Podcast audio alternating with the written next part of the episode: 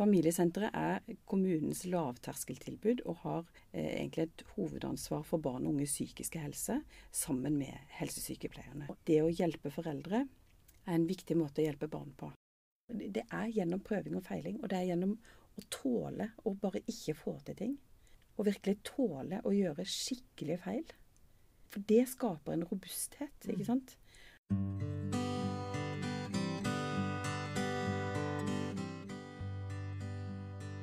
Hei og velkommen til en ny episode av Selvmordspodden. Poenget med denne podkasten er at ikke én til skal velge selvmord.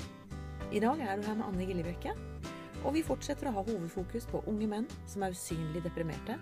Og det vil si at ingen vet om at de sliter med sånne tanker, og de klarer heller ikke å snakke om det til noen. Vi kommer til å fortsette å fokusere også på historie. Og sånn som i dag, så skal du møte mange forskjellige mennesker som har tanker rundt dette temaet. Og I dagens episode er jeg veldig glad for å ha med Tora Grande. Og hun skal fortelle litt både om seg sjøl og om jobben hun gjør. Tora er utdanna Det var veldig vanskelig ord. Jeg lurer på om jeg må bare overlate det til deg. Altså, jeg har det her på arket, men du kan si litt sjøl om deg sjøl. Det kan jeg godt. Jeg heter Tora Grande, og jeg er utdanna barnevernspedagog. Og jeg har en mastergrad i familieterapi og systemisk praksis. Du verden, hva betyr det? Jeg vet at systemteori handler om å inkludere familien og, og om de rundt. Ja, og det handler jo om, om, mye mer enn det, egentlig. Det handler liksom litt om at en tanke om, enkelt sagt, at problemer eh, ofte skapes eh, og løses i systemene som vi er en del av. så kult at en egen utdannelse får det. liksom. Det er kjempestilig. Men også det at vi, vi sjøl er systemer. ikke sant? Når vi kommer inn i et rom, så kommer, når jeg kommer inn og skal snakke med det nå, så kommer jeg inn med min konstitusjon, min personlighet, min, mine ideer, mine erfaringer. Mine gode erfaringer, mine mm. dårlige erfaringer. Og, og, alt som jeg opplevde bare helt fra morgenen i dag, kommer jeg inn med i dag. Jeg syns det er veldig spennende å kunne ha deg som gjest her, Tora. fordi at eh, altså Når du snakker om system Grunnen til at jeg Det høres jo litt fælt ut, men jeg kasta over mine psykiatribøker tilbake. Mm. mm. Og det handla mest om min vei. For jeg mm. kjente at dette er ikke veien for meg. Mm. Sjøl om jeg er utdanna psykiatrisk sykepleier, har jobba med å lage utdannelse, så var det så mye der og da mm. Og jeg så mennesker rundt meg som ikke fikk den hjelpa. Spesielt pårørende mm. til andre. At ikke de blei fulgt opp, at ikke de blei en del. Akkurat sånn, så Det har jeg lyst til vi skal snakke litt om òg, før vi går inn på det andre. Jeg tenkte på det i går. Hvis noen brekker et bein F.eks. hvis en av mine barn, om de er 30 år gamle, mm. og jeg er med de, og de brekker et bein, mm. så spør jo alle meg om masse ting. Ikke sant? Mm. Hvordan skjedde det? Har de en eller annen sånn underliggende sykdom? Mm. Har det vært noe brudd tidligere? Ikke sant? De vil vite masse fra meg. Mm. Og også i etterkant, når, når, da en av mine kommer fra sykehuset. Nå må du følge opp med dette og dette. ikke sant? Mm. Men akkurat den der linken der, på at når det gjelder psykiatri og psykisk helse Nå skyter jeg rett fra hofta, for dette hadde ikke jeg planlagt i det hele tatt. Men hvorfor, liksom, hvorfor, tenker vi ikke likt der? At pårørende og system og familien er en kjemperessurs? Altså jeg tror nok at Hele samfunnet vårt er jo veldig prega av at vi, vi, orienterer oss ut fra en type sånn medisinsk modell. At vi skal, vi, skal, vi skal, på en måte dissekere og lete og grave fram hvor problemet egentlig kommer fra. ikke mm. sant? Og da begynner vi ofte også i, i arbeidet med psykisk helse å lete inni folk. For å finne ut av ting. Og det er klart at mange mange viktige dilemmaer og problemer i verden har blitt løst ved at man har brukt den modellen. F.eks. den klassiske modellen med, med håndvask, Semmelweis, ikke sant, som oppdaga at hvis man vaska hendene etter at man gikk fra produksjonsrommet og inn på fødestua, så sank spedbarnsdødeligheten og, og barseldødeligheten markant. Mm. Ja. Sånn at den tenkninga er helt veld, veldig viktig og løser mange viktige problemer. Spørsmålet er om vi kan bruke den modellen i møte med lidelse. I møte med menneskelig lidelse. Av og til er det jo selvfølgelig sånn at noen mennesker er disponert for psykiske lidelser. Uh, og det er jo ikke det som er mitt fagområde heller, så jeg kan jo ikke liksom uttale meg noe kategorisk om det. Men, men, jeg tror på en måte at det å, å se på på hvordan systemene rundt mennesker fungerer, altså hvordan familiesystemene, hvordan relasjonene fungerer, kan være med å gjøre ting hakket bedre, da. Om det så ikke fikser hele problemet. Ja, for nå hoppa jeg jo ganske Vi har jo varma opp litt med litt kaffe og litt sånn. Og det, det, bør vi egentlig ikke gjøre. For dette, folk går glipp av litt av den, det, det, som var foran. Jeg har jo til og med mm. glemt å si hvor er det du jobber hen? Ja. Jeg jobber altså som avdelingsleder for familiesenteret her i Lillesand. Mm. Og det, dere, altså familiesenter, familiekontor, hva er forskjellen på det? Mm. Familiesenteret er kommunens lavterskeltilbud og har eh, egentlig et hovedansvar for barn og unges psykiske helse, sammen med helsesykepleierne, som jobber, også jobber med barn både i, i barnehage og skole og de aller minste. Og kontoret, eller familiekontoret, hva gjør de? Familiekontoret eh, jobber også med familier og par, og, og, har et ansvar for å mekle i forbindelse med samlivsbrudd. Ja, for det var det jeg trodde når noen sa liksom familiesenteret til meg. Så tenkte jeg nei, men det er jo ikke noe plass hvor jeg kan gå og snakke med noen. Nei. Eller noen av mine kan snakke med noen. Nei. Men familiesentrene har jo på en måte òg eh, et, et, særskilt ansvar for barn som pårørende. Og i, i, det øyeblikket man har foreldre som strever med psykisk helse eller rusproblemer, eller man har opplevd dødsfall eller alvorlig sykdom, brå død, sånne ting, så, så er også familiesenteret riktig sted. Mm. Og det, det, er jo først og fremst retta mot, eh, mot, barn, fra, fra, fra, de er små og til de er eh, opp mot 18 år. Og så mener jo vi også at det å hjelpe foreldre er en viktig måte å hjelpe barn på. Mm. Mm. Og det kan jo jeg skrive litt under på, da. Mm. Jeg har jo sagt mye i podkasten at vi leita i mm. etterkant. Altså Sjøl jeg med min bakgrunn, og jeg er jo ikke veldig beskjeden. Mm. Vanligvis så pleier jeg å kunne finne greit fram i ting. Mm. Men i en sånn krise, mm. når hele huden er vekk og alt mulig sånn, og folk bare propper deg med telefonnummer, og du kan få masse hjelp og sånn, mm. og så finner du allikevel ikke fram, mm. så endte jeg opp med å høre navnet ditt noen ganger. Mm. Og tenkte ok, jeg gir det én sjanse. Og så har jeg fått lov til å gå og prate med deg.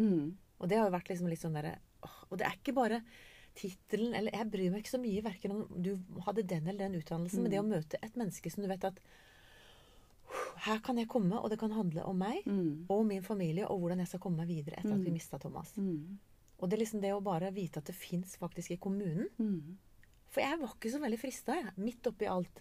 Jeg har nesten ikke mulighet heller. Midt mellom det at jeg måtte faktisk fortsette å jobbe fordi jeg driver for meg sjøl, og at jeg hadde tre andre jenter som måtte følges opp. Hvis jeg skulle begynne å gå kjempedypt inn og grave, som du snakka om, helt fra innsida mm. Jeg har jo gjort det gjennom et langt liv. Mm. Det er masse som er bearbeida, men jeg trengte liksom en sparringspartner. Mm. Og det er du. Mm.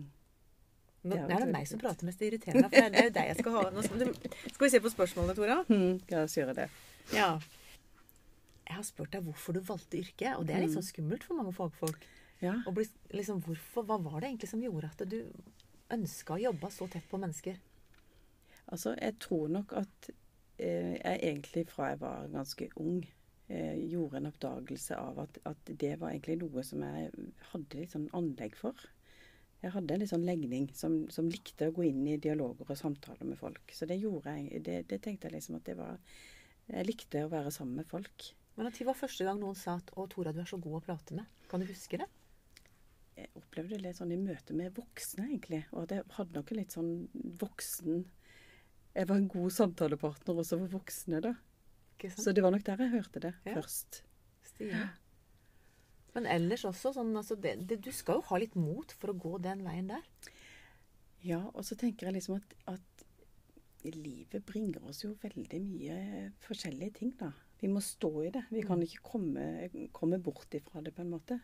Sånn at det må liksom ta, ta grep om livet sitt og gjøre noe med livet sitt til tross for de hindringene som måtte ligge der, det, det, har jeg liksom vært veldig opptatt av. Hatt, min far hadde tre søsken som bodde sammen i samme hus.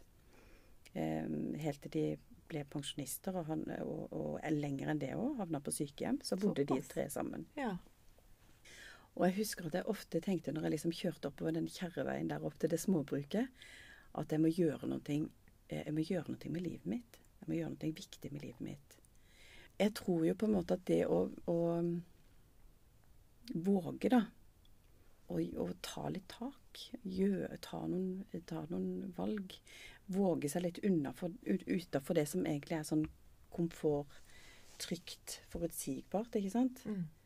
For da, da Tante Martha sykla ned til, til, til Krossen og kjøpte surmelk og sirupsbrød. Fast, jevnlig, på en måte. Og den tryggheten der. Mm med det forutsigbare som skjedde hver eneste uke, var veldig godt for henne. Og de hadde vært gjennom krig og vært tett på krig. Og hadde nok på en måte, og hadde mista mammaen sin ikke sant, når de var små. Det, og da, da kan en på en måte skjønne valget med å skape en trygg tilværelse. Og så tror jeg på en måte likevel at det å liksom våge seg litt utpå kan gi veldig mye. Mm. Men det er jo klart at det er mye risiko knytta til det. Man, man, fordi at det, med at man skal gjøre ting som er utafor komfortsonen, lære seg nye ting, så betyr det at man vil gjøre dumme ting. Man vil gjøre feil. Man vil eh, føle seg dum. Alle disse tingene her hører også med det der med at man skal våge seg ut. Men du så disse tre søsknene som aldri hadde flytta hjemmefra, Ja, si, ja. og kjente at jeg har ikke lyst Altså, det er greit for de. Ja. Jeg forstår hvorfor de er Ja, ja, ja. Men for meg så har jeg lyst til å ta litt risiko. Ja. Og møte mennesker der og leve livet mitt. Ja. Og nå er vi egentlig inne på Nå aner jeg ikke hvor langt ned vi skal før det spørsmålet kommer, Nei. men dette du snakker om med angst og depresjon, Mm. og at det er yngre og yngre mennesker som sliter med disse tingene her, mm. du er nødt til å komme inn på det. Selv om jeg vet at det er ikke hovedfagfeltet ditt å jobbe med, med terapi i forhold til det, men du Mm. møter jo mange mennesker som, som forteller om akkurat det. Jeg gjør det, og, og, og et, vi kan ikke liksom snakke om, om eh, den store tendensen av angst og depresjon uten å snakke litt om tidsånden, på en måte. Og litt om den tida vi lever i, og det som preger tida vår. Sånn at jeg, en, en stor del av det er jo på en måte Vi snakker om sosiale medier, og nå er jeg nesten litt sånn trøtt av å høre om sosiale medier, og at det er så problematisk. For at alt, alt kan brukes til godt og dårlig, på en måte. Men det er klart at i det at vi vi iscenesetter jo oss selv og livet vårt i veldig stor grad. Eh, Sånn at, sånn at både på, på, ja, på alle disse sosiale mediene så tar vi liksom de bildene i de beste øyeblikkene, hvor vi kan liksom eh, eh, vise oss fra vår beste side, der vi lykkes og ser pene ut og er nysminka og eh, og alt ser veldig flott ut. Og så tror jeg ofte at vi, vi, vi eh, glemmer at det er et, et bilde av virkeligheten, og ikke virkeligheten i seg sjøl. Mm. Det, er ganske stor forskjell det er på å veldig få et bitte lite glimt. Det er det. Det blir liksom Vi, vi byr jo ikke så mye på, på, på det andre som også er sant, og som også er livet. Kanskje spesielt for unge mennesker, men også for, og for voksne mennesker, så tror jeg at det gjør at vi liksom Vi glemmer liksom litt, eller vi tenker at alle andre er så mye lykkelige, alle andre har det så mye bedre, alle andre er så mye mer vellykka. Og så tror jeg vel kanskje ikke at, eh, at det er sånn, da. At vi går rundt og føler oss så innmari vellykka. Selv om jeg òg kan tenke at liksom, å, du får det til, eller du gjør sånn, eller å, se der, eller du er i skogen, og så flott, ikke sant, og her sitter jeg i Jeg skulle vært der. Ja. Jeg skulle gjort Jeg sånn. burde, og jeg- burde, burde, Ja. burde. Og det er litt tullete med sosiale medier. For det er jo et, det er sånn jeg kjenner det når folk kommer til å si til meg 'Å, guri land, så mye du holder på med', og det er jo så mye spennende og litt sånn. Så tenkte jeg Helland, skulle jeg se meg når jeg bruker ettermiddagene Ja.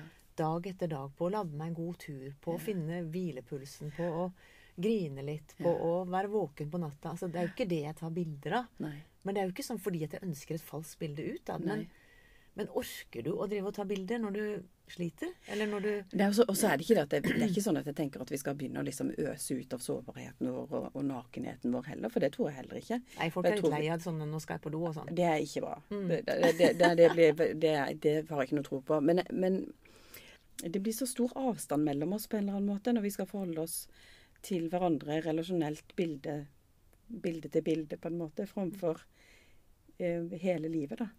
Og, og alt det vi er og har. Og det skal vi ikke spre utover i hele verden, men, men at vi, vi trenger Det er litt sånn som Fugelli snakker om, at vi trenger flokken vår, da, til syvende og sist. Så er det sånn at vi, vi er alle sammen avhengige av å, å leve sammen med andre. Og det å, å, å føle seg utafor, eller, eller definere seg sjøl utafor, eh, er en kjempestor trussel Mm. For, for hele vår sånn eksistens. Og det er liksom den der kontrasten imellom. Du ser disse unge jentene som får helt panikk hvis ikke de får hva heter sånn dager eller et eller annet sånt på Snapchat. Oh, ja, altså. Hvis du hopper over en dag Strikes. Strikes, er det Ja. heter. Ja. ja, du ser hvor jeg. Jeg er bare på familien jeg på, på Snap. Men, men da er det jo helt krise, ikke sant? Ja. For da bryter du på en måte et mønster. Og hva tror de om meg hvis ikke Altså, jeg vet ikke hva som skjer der. Det er en, en ukjent verden for mange av oss Det er det. som er foreldre. På hva er det ungdommene våre vokser opp i for noe? Mm. Og det er liksom på den andre siden så har jeg jo at det er veldig mange på min alder som er livredde for å være på sosiale medier i det hele tatt. De er redde for å gjøre noe galt. De er, de er liksom, vi er jo ikke vant til å skulle liksom pøse ut med privat informasjon.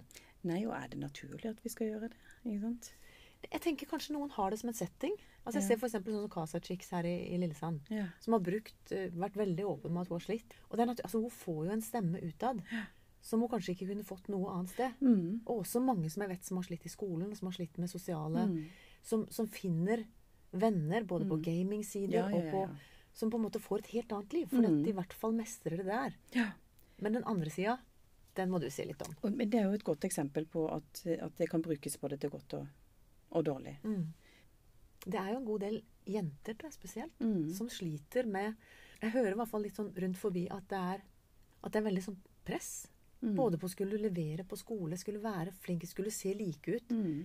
Altså, jeg, Når jeg kjører til skolen og ser elevene, så er det sånn Oi, har alle på seg uniform, liksom? Mm. Det er den og den jakka, den og den greia. Og hvis du skiller deg ut da, så Hva skjer da, liksom? Det er jo veldig rart, men, men jeg tror nok på en måte at det, akkurat, det er ikke så veldig nytt at ungdom vil være like. For det, for det, det tror jeg er, kanskje noe av de, av de prosessene man er i når man er ungdom, at man helst ikke vil skille seg ut. For at Ja. hvis man skiller seg for mye ut, så kan det faktisk representere at du blir outa på en eller annen måte. Okay. Du blir satt i en posisjon der du, der du blir sett for mye.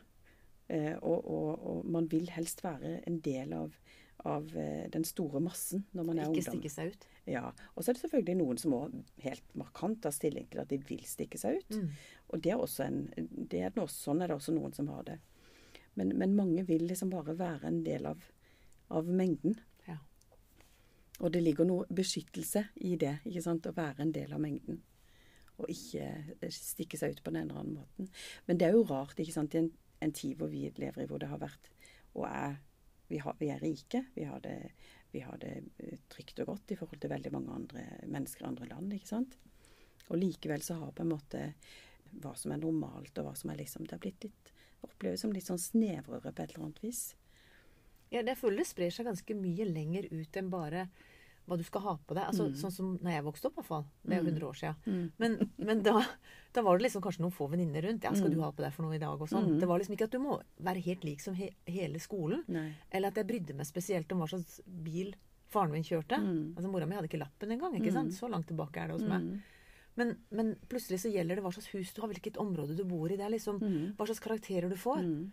Altså det, Du skal være vellykka på alle områder. Det må jo være kjempeslitsomt. Og hvis vi det skal vi definere menneskers verdi, da, ut ifra alle disse kriteriene som du nå nevner, så er det jo ikke rart at man kjenner seg ganske pressa. Mm. Hvis, hvis verdien du har, er, er avgjort av alle disse ytre tingene. Men når du får det, da. Når du får sekser på alle prøvene, og Mm. Mora di har liksom nesten brukt det siste, eller faren din har brukt de siste pengene han hadde for han måtte ha en større bil, Mm. eller dere må ha hytte på en eller annen plass, Mm. og så kjenner du allikevel på en sånn tomhet. Mm. Det tipper jeg kanskje litt. altså. Du tenkte at det var dette som skulle til for at jeg skulle føle at jeg hadde det veldig bra inni meg. Og jeg tror jo ikke at det er ting som gjør at vi kjenner oss fulle. Si litt om det. Eh, Kommer du med en balansegreie nå? Ja, den der balansegreia, ja. Ikke sant. Ja, altså, Hva er det som skal liv, til for altså å gjøre oss livet skal jo leves, da. Det skal jo ikke liksom eh, eh, vi, vi, vi kan rigge oss så godt vi bare kan, både økonomisk og praktisk, og vi kan ha alle ting. Men, men jeg tror jo på en måte at vi gjennom et liv Litt sånn i forhold til den vippa som vi har nevnt før, ikke sant? Så, Mm. så kastes vi litt mellom orden og kaos hele tida. Vi, vi kan ikke leve den villfarelsen, da, som jeg mener det at vi kan kontrollere oss fram til et godt liv. Kjøpe oss fram til et godt liv. Og aldri gå på trynet. Aldri. Nei. Mm. Ikke sant? For at vi, vi, vi beveger oss hele tida mellom kaos og orden. Å blir kasta mellom kaos og orden. Du, det, du tenker på en, en situasjon i livet ditt hvor du tenkte at liksom nå, nå har jeg alt på plass, og nå kjenner jeg meg rolig, og nå er det liksom Og så plutselig da, så skjer det et eller annet som du ikke har rår over, som du ikke har kontroll over, som bare kaster hele livet ditt på hodet. Ja. Og det å miste et barn er jo virkelig en sånn ting du ikke har kontroll på. Plutselig så bare skjer det. Og da er det noe med at alle de, alt det du har rigga deg med da, det er jo helt langt bak i bakleksa Mm. i forhold til relevans. For da står du liksom helt altså med fingeren på pulsen. altså Da er du helt nede på eksistensen, livet, relasjonene. Du puster og tar ett sekund og ett minutt av gangen. Mm. Og da er det ikke liksom om du har den eller den bilen i garasjen som teller. Da er du bare en mamma Mm. som har mista barnet ditt. Mm. Mm. Eller en søster eller en Eller bror en som søster har eller en bror. Eller. Så det er liksom av og til så må du kanskje sette foten i bakken Mm. og finne ut av hva er det egentlig som er viktig for meg. Mm. Er det liksom at jeg er helt lik på alle andre? Er det det Mm. at jeg For det jeg tenker på, er jo at eh, det der å tåle Det var en, en psykolog som jeg just hørte, jeg hørte en podkast på Mm. det. At vi må gjeninnføre prøving og feiling Mm. som metode å lære på. Åh, det er jeg veldig for. Ikke sant? Fordi at det, hvis du altså, Og det tenker jeg sånn Helt fra Altså når vi skal lære oss noe nytt, uansett om vi da er sju år og skal lære å lese og skrive og, og regne, eller om vi er ø, voksne mennesker som skal lære oss et fag vi må, Det er gjennom prøving og feiling, og det er gjennom å tåle å bare ikke få til ting. Og virkelig tåle å gjøre skikkelige feil. For det skaper en robusthet, ikke sant? At vi, for det er fort gjort å tenke at hvis vi har gjort en feil, og det, sånn har jeg hatt det sjøl òg i livet mitt Jeg har gjort feil, sagt ting Har du? Ja, faktisk det. Er helt utrolig. Som har gjort at jeg har liksom bare tenkt at nei, nå, nå tror jeg jeg går og legger meg under dyna, og så blir jeg her en uke, liksom. For dette her er for vanskelig å håndtere. Mm. Men så er det noe med at igjen, ved å liksom jobbe seg gjennom, komme seg gjennom de, eh, den prosessen det er, om det så er at man har gjort noe dumt og må gjøre en reparasjon, som jeg kaller det, ikke sant, i en relasjon, hvis jeg har gjort et eller annet kjempedumt mot noen, Mm. og må da faktisk si at nå har jeg vært en skikkelig dust, så er det vanskelig. Det koster noe, men det er viktig. Så den fasaden Altså, jeg er jo egentlig Jeg har opplevd begge deler. At det var veldig viktig å være flink på en Mm, måte på en del mm. ting. Og så når jeg da mista fasaden, først når jeg skilte meg på en måte som en av de første i, i gjengen Mm. som gjorde det, så kjente jeg en sånn der type frihet òg. På at Mm. Guriland, jeg mista fasaden. Jeg trenger ikke å være så Mm. jeg trenger ikke å være så flink pike lenger. Mm. Og så har jeg egentlig prøvd å ta med meg det litt sånn videre òg. Mm. Og i hvert fall når jeg jobber med sosiale medier, som jeg snakka litt om. At å ja, det prøvde vi, men det fikk vi ikke til. Mm. Eller jeg har jobba i prosjekt, masse prosjekter som ikke har funka. Mm. Men guri land, jeg har lært noe. Jeg har tatt med meg litt fra hver av de. Og tenker at dette tåles. Hvis du tenker å gå inn og løfte 200 kilo på benkpress, eller hva det heter for noe. Første dag, ja. Ja, du gjør ikke det. Mm. Nei, det gjør man ikke. Da må du i hvert fall ha fem-seks stykker til å hjelpe deg. Mm. Og så kanskje det ser bra ut. Mm. Men poenget er hvis det er du som skal gjøre det, så må du bygge muskel. Mm. Du må det. Det er sånn det er. Mm. Altså, det, det, det, er- det er ingenting som, som, eh, som er viktig, som kommer gratis. Eh, viktige ting koster ofte noe. Og så er det verdt det. Å kjempe seg gjennom. Der, Tora, der er du en, en veldig viktig samarbeidspartner. Mm. Så nå, hva, kan jeg spørre deg liksom konkret, hva gjør du når du får inn en helt ny person inn til deg som sier at 'jeg sliter med dette og dette'? Liksom. Har du Mm. noe sånn Lar du de snakke masse? Forteller du masse om tilbudene? Altså, hva, hvordan klarer du å møte et menneske når du ikke aner hva som kommer ut? Det er jo litt ulikt. For, men, men, men som regel så jeg ønsker å være opptatt av det den personen kommer inn med. Fordi at jeg tror på at Jeg tror det er Kirkegård som har sagt det, at hvis, hvis man skal virkelig hjelpe et annet menneske, eller lede et annet menneske, så må du først finne ut av hvor det mennesket er. Mm. Og så må du begynne der. Og det tror jeg veldig på. At, at det å la folk få lov til å, å sjøl fortelle hvor de, hvor de er hen, og la de få lov til å gå den veien, og at jeg er med. Sånn at det er nok ikke så veldig sånn som Jeg kommer jo ikke med mange gode råd, eller Jeg kan komme med råd innimellom, men, men jeg er vel mest opptatt av at, at folk må liksom finne veien sin eh, sjøl, da. Og at jeg kan være med som en slags fasilitator som kan liksom hjelpe til å drive, drive prosessen framover. Og det handler om å, om å kanskje være Stille gode spørsmål, da. Eller, eller klare å åpne opp de temaene som, som trenger å åpnes opp. Mm. Så først er det, du, prøver du å skape en type tillit. Ja, det er, det er helt, det, all forskning på terapiforløp viser jo at man at hvis man skal få til, få til en endring, så, så er det relasjonen man må relasjonen, En god relasjon må være i bunn. Mm. Og så mener jo jeg at en, en god relasjon handler jo ikke om at, at du skal komme inn til meg, og så skal du sitte i armkroken min og skal holde deg varm. og så skal vi, det det. Ja. Og så skal vi liksom Skal jeg aldri, aldri si noe som utfordrer deg, eller Mm. For det handler også om den vippa som vi har snakka om, ikke sant? At, vi, at vi skal både være sterke, og vi skal være gode. Og begge de elementene må være til stede da, i et møte mellom mennesker. Man trenger å ivareta og kjenne at man blir møtt og sett for den man er. Og så kan man etter hvert på en måte kanskje begynne å så, å så se litt på OK, men du tenker sånn om det. Er det, det kanskje det kan hva, hva tenker du om Kanskje det kan være litt annerledes enn det du, enn det du tenker. For vi preges jo veldig av noen sånn dominerende historier, ikke sant. Vi har noen fortellinger. for Vi kan Sånn jo er det bare. Ja, Mm. og vi kan jo aldri Dette blir jo veldig sånn høytsvevende, men jeg er veldig opptatt av at vi kan jo ikke Hvis jeg skal fortelle da om de siste ti åra av livet mitt, Mm. så kan jo jeg ikke fortelle i detalj helt sånn kronologisk hvordan de ti åra har vært, sånn helt objektivt sett, ikke sant. Men jeg har noen historier som har blitt store og dominerende for meg, som jeg da vil fortelle hvis du spør meg hvordan de siste ti åra vært. Ja.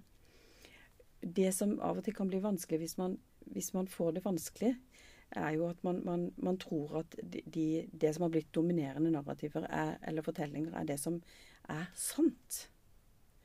Eh, sånn at det å leite etter hva er også sant?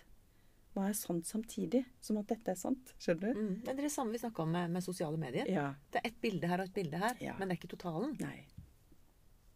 Jeg syns det er så spennende, Tora. Mm. Og jeg bare kjenner at det, Kan dette bli tre podkaster jeg har jo ikke begynt på spørsmålet ennå. For det, det er jo litt nå, nå, nå skjønner dere at Tora bryr seg om mennesker. Og det sa jeg til deg i begynnelsen også. Jeg ønsker å ha inn varme mennesker. Mm. Ikke nødvendigvis gå etter titler, Mm. men folk som, som jeg har sjøl personlig opplevd, eller jeg har fått anbefalinger gjennom andre, at denne personen her må du snakke med. Mm. For det, det er jo det vi ønsker med podkasten. Det er jo at det skal bringe håp for noen. Mm. Og det jeg tenker sånn, for hvis vi skal bli helt konkrete òg, Mm. så må det jo bli hva, hva skal til Altså, nå vet jo jeg hva som skjedde. Jeg kunne ringe en telefon, tror jeg. Jeg tror jeg Mm. fikk et telefonnummer til det. Mm. Hvordan skal folk henvende seg til deg? Det er jo et lavterskeltilbud, Mm. så det betyr at du trenger ingen henvisning. Eh, Du kan egentlig bare ringe, og så vil du da bli satt i kontakt med noen av de som jobber hos oss. Eh, Og så vil vi tilby deg en time i løpet av ganske kort tid. Fins det sånne sentre all, i alle kommuner? Jeg, tror, jeg vet ikke om det finnes i alle kommuner, men i veldig mange kommuner så finnes dette tilbudet. Og noen steder så er det organisert sånn at det er en del av helsestasjonstilbudet. Okay. Mens andre steder, sånn som i Lillesand, så er det en egen avdeling. Hvor lenge har familiesentrene vært operative? Det er nok siden 80-tallet. Såpass? Mm, så det er ganske mange år. Men bare det at ingen sa det. Jeg tenkte For meg så gikk det jo en god del måneder før jeg hørte om akkurat familiesenteret. Ja, Så vi må jo få det fram, tenker jeg. absolutt. At det fins. Og så, og så, er det, så er det klart at familiesentrene har jo som sagt sant, hovedfokus på barn. Og, og barn og unge, og den aldersgruppa. sånn at for at du skal kunne komme til oss, så, så må du ha barn under 18 år. Mm. Det er liksom en sånn kriterie. Og så finnes det jo psykisk helse eh, også i, i lavterskeltilbud i alle kommuner. Som man kan henvende seg til hvis man har voksne barn. Hvis noen er redde for at de skal komme inn i rullene, på en måte at eh, de skal skrive ut en forsikrings... Eller få en ny forsikring, livsforsikring f.eks., Ja. eller sykeforsikring, må de oppgi da at de har vært hos dere? Er det, står det på journalen, på en måte, som en legejournal? Eller Det er jo ikke en legejournal, men vi har, vi har plikt til å dokumentere eh, arbeidet vårt. Sånn Ja. at vi har en journal på de som kommer inn til oss. Men det er ikke på en måte offentlig? Nei, Sånn nei, nei, nei. må- Og det er jo strengt taushetsbelagt, det som foregår i en, en lavterskelhelsetjeneste. Ja. Mm. For jeg tenker på litt, altså Hvis vi er tilbake til disse unge gutta, da. Mm. Eh, hvis det er en gutt Nå er det jo Lillesand vi er i, da. Mm. Men eh, det kan jo utover hele landet. Mm. Hvordan, hvordan tenker du at han skal Hvis han kjenner at jeg sliter, jeg kjenner meg igjen i disse tankene, og jeg har til og med hatt selvmordstanker eller et Mm. eller annet sånn, kan han henvende seg på egen hånd hvis han er under 18 år? Mm. Han trenger ikke å ha med seg foreldrene heller. Nei. Men må du si fra til foreldrene at han har gått og snakka med deg? Når du er 16 år, så er du helserettslig myndig. Ok. Så det vil si at når du er over 16 år, så kan du bruke helseapparatet og din egen fastlege som uten på en måte at foreldrene dine trenger å ha innsyn i det. Men jeg vil jo på en måte også slå et slag for eh, en veldig viktig faggruppe som, som, eh, som også er ute i alle skoler. eh, Både ungdomsskoler, barneskoler og videregående skoler. Og det er jo helsesykepleierne. Mm.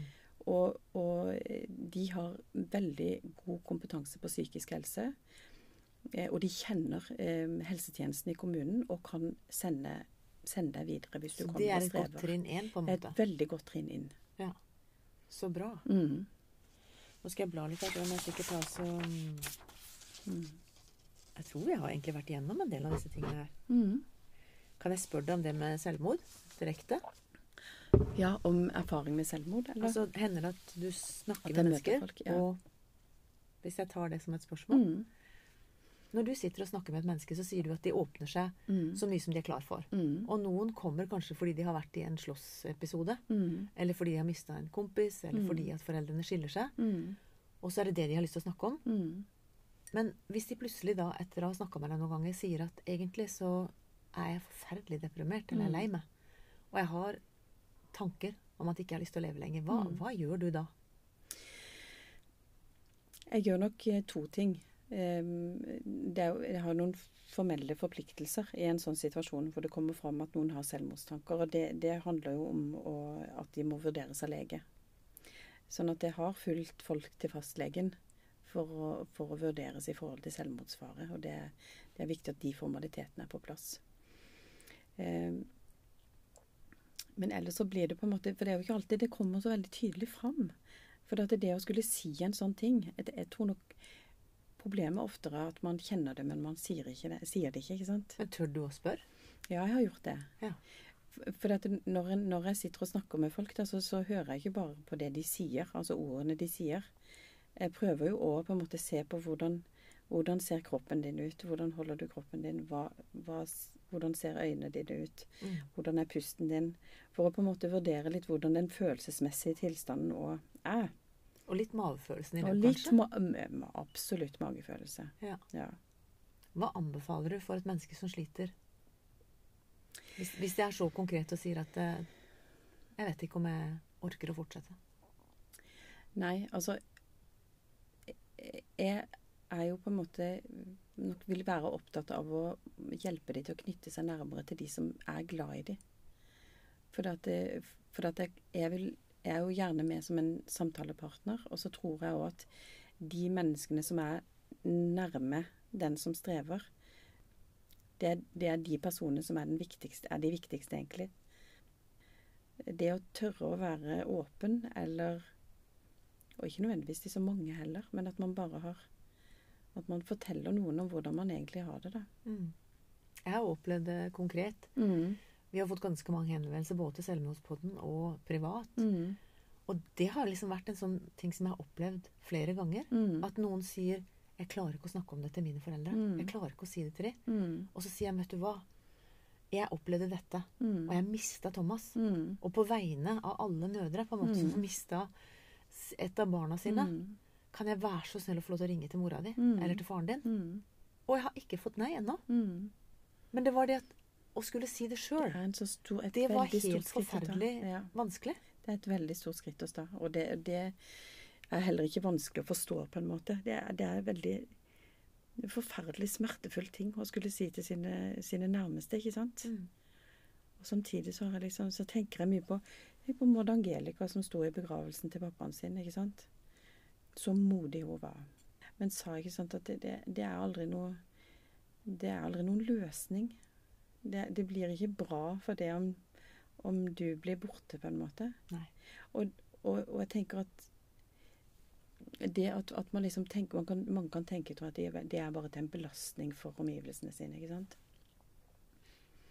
Men så tror jeg at selv om, selv om man kan kjenne seg som en belastning for omgivelsene sine, så, så, så tror jeg man kan fort lulle seg inn i en tanke om at man derfor ikke skal være der. Mm. Man vil jo mye heller ha familiemedlemmene sine der som man er så glad i. La Og nå få lov til å være med på den veien, da. Ja. Ikke sant? At man får lov til å rett og slett være med. Mm. Men noen tror kanskje at det er permanent. At da blir jeg en som trenger hjelp hele tida. Eller jeg blir en som altså det, Ja, det er noe med jeg- identiteten som ligger så dypt inni at Ja, du bare det. skammer deg. Eller du kan ikke tenke deg at, at du skal fortsette livet som en person som Men der er, jo, er det jo på en måte en sånn litt sånn logisk brist, da, tenker jeg. ikke sant? Og, det, det, og de logiske bristene kan man jo få når man blir eh, veldig, får veldig svarte tanker. Men, men livet er jo i, i seg sjøl i bevegelse hele tida. Sånn at jeg tror at den største faren egentlig er Eller en stor fare at man for det første sier til seg sjøl at det er ingen som vet hvordan jeg har det. Det tror jeg ikke er, det er skummelt å tenke. For det vil alltid være noen som vet mm. hvordan, hvordan eh, altså Som vil ha kjent det på lignende måte som det. Og den andre tingen er at, at ting forandrer seg hele tida. Livet forandrer seg hele tida. Det er alltid, alltid muligheter. Det kan bli bra likevel, da. Jeg har ikke lyst til å avslutte, men jeg- det var en veldig veldig fin avslutning, akkurat det du sa nå. Det blir bra likevel. Ja, du kan si at det kan være en floskel, men jeg kan fortelle om det fra mitt liv. Mm. At du tror at dette kommer jeg aldri til å komme meg gjennom. Og så er jeg så takknemlig for at jeg sitter her i dag. Ikke sant? Og det er klart at det, det, å miste, det å miste noen, det, det, betyr ikke på en måte at når det går ti år, så er, liksom, så er sårene lekt, og alt er liksom ferdig. Jeg tror at det å miste noen, og kanskje spesielt på en sånn utrolig vond måte som selvmord er det, Man må leve med det, på en måte. Man må finne en måte å leve med det. Eh, og, og, og, leve med det, det vonde, da. For det er vondt. Mm. Og det vil kanskje alltid være vondt. Men det betyr ikke at livet trenger å bli dårlig, eller at man aldri blir glad igjen. Jeg tenker det er begge deler. Mm. Altså det å tørre å fronte det og tenke mm. OK. I hvert fall for min del så er det det at ja, jeg griner litt hver dag ennå. Mm. Det er halvannet år hver eneste dag. Mm. Men allikevel så ler jeg òg. Mm. Altså det å få tak, Hvis ikke jeg klarer å få tak i sorgen, eller klarer å gå med den videre i livet, så klarer jeg heller ikke å, å få tak i gleden. Så det å være takknemlig, se på himmelen i dag, er det jo sol i Lillesand. ikke sant? Det er jo så deilig å kunne kjenne og bruke litt tid på det. Mm. Og så plutselig kommer det et eller annet. Plutselig ser jeg en som ligner veldig på Thomas, eller jeg ser noen som mm. Og så blir det kjempetrist. Men så, mm. så, vet jeg jo at jeg kommer meg opp igjen. Mm. Jeg skal ikke ned i den der tjukke massa der. Og hvis det blir for tungt, eller Så er det veldig godt for meg å vite at det, jeg kan ringe til Tore og ta en prat. Mm. Nå trenger jeg en prat. Altså For meg så har jeg på en måte parkert noe av det at jeg må prate med noen hver dag hele tida. For det, jeg kan si til ungene mine jeg går og prater med noen. Og det gjør at jeg kan parkere det litt vekk, og så kan jeg ta det fram. Mm. Så en kan si liksom at ja, hjelper det noe å gå en gang i uka eller en gang i måneden? Mm. For meg så må jeg si at det gjør det. Mm. Vi trenger jo ikke å gå og snakke om det vondeste hele tida. Og det tror jeg ikke man, altså, man, Men man må få lov til å føle det man føler. Men det betyr ikke at man skal flytte inn i sorgen. Eller inn på ditt kontor. Eller inn på mitt kontor. eller inn i 'dette går fint'. Ikke sant? For at ja, det, går, det, kommer til å bli bra igjen. Og ja, du kommer til å være lei deg. Og ja, du kan eh, gå og snakke med noen. Men, men, men man må på en måte tillate seg sjøl å føle det man føler. Og det som jeg ofte pleier å si til foreldre, og som iallfall jeg kjenner meg veldig igjen i som mamma sjøl, at, at eh, bak på en måte morskjærligheten og kjærligheten man har for barna sine, så ligger det også alltid en frykt og en bekymring. Og det, det er liksom alt som eh, alt som, kan, alt som kan gi glede, har en spire til en sorg eller et savn. da. Så vi må bare erkjenne at det er en del av livet, dette her. Det er det. Ja. Men Tora, jeg er bare så glad for at du fins. Jeg er så glad for varmen du har. For det er mange som har fine titler som ikke har den varmen. Så jeg kan bare anbefale dere også både dette med å at det er et lavterskeltilbud. Det mm. fins noe som heter Familiesenteret. Mm. Ikke kontor, men senter. Mm. Og det fins mennesker som Tora rundt om i vårt landstrakte land. Mm. Og jeg må bare si sånn til slutt, for meg som sier at jeg har kasta bøkene mine Jeg begynner å få mer og mer tro på at det fins mennesker i systemet som virkelig ønsker å hjelpe, og som mm. også kan hjelpe. Mm. Så Tora, jeg, jeg, vil ha deg inn en annen gang, men, men jeg tror vi må si eh, takk for i dag. Og tusen hjertelig takk for at du stilte opp. Takk for at jeg fikk komme. Helt til slutt har jeg lyst til å fortelle hvor du kan få hjelp. Kirkens SOS er en døgnåpen krisetelefon. Det samme er Mental Helse. Leve, Landsforeningen for etterlatte ved selvmord. Legevakten 116 117. Kors på halsen. Røde Kors sitt tilbud. Det er en samtaletelefon for barn og unge under 18 år. Og så er det tilbudet som heter Snakk litt, mellom Helsesista, Kirkens SOS og Nyby. Helt til slutt har jeg bare lyst til å takke deg for at du har vært med på denne episoden, og ønsker deg alt godt videre.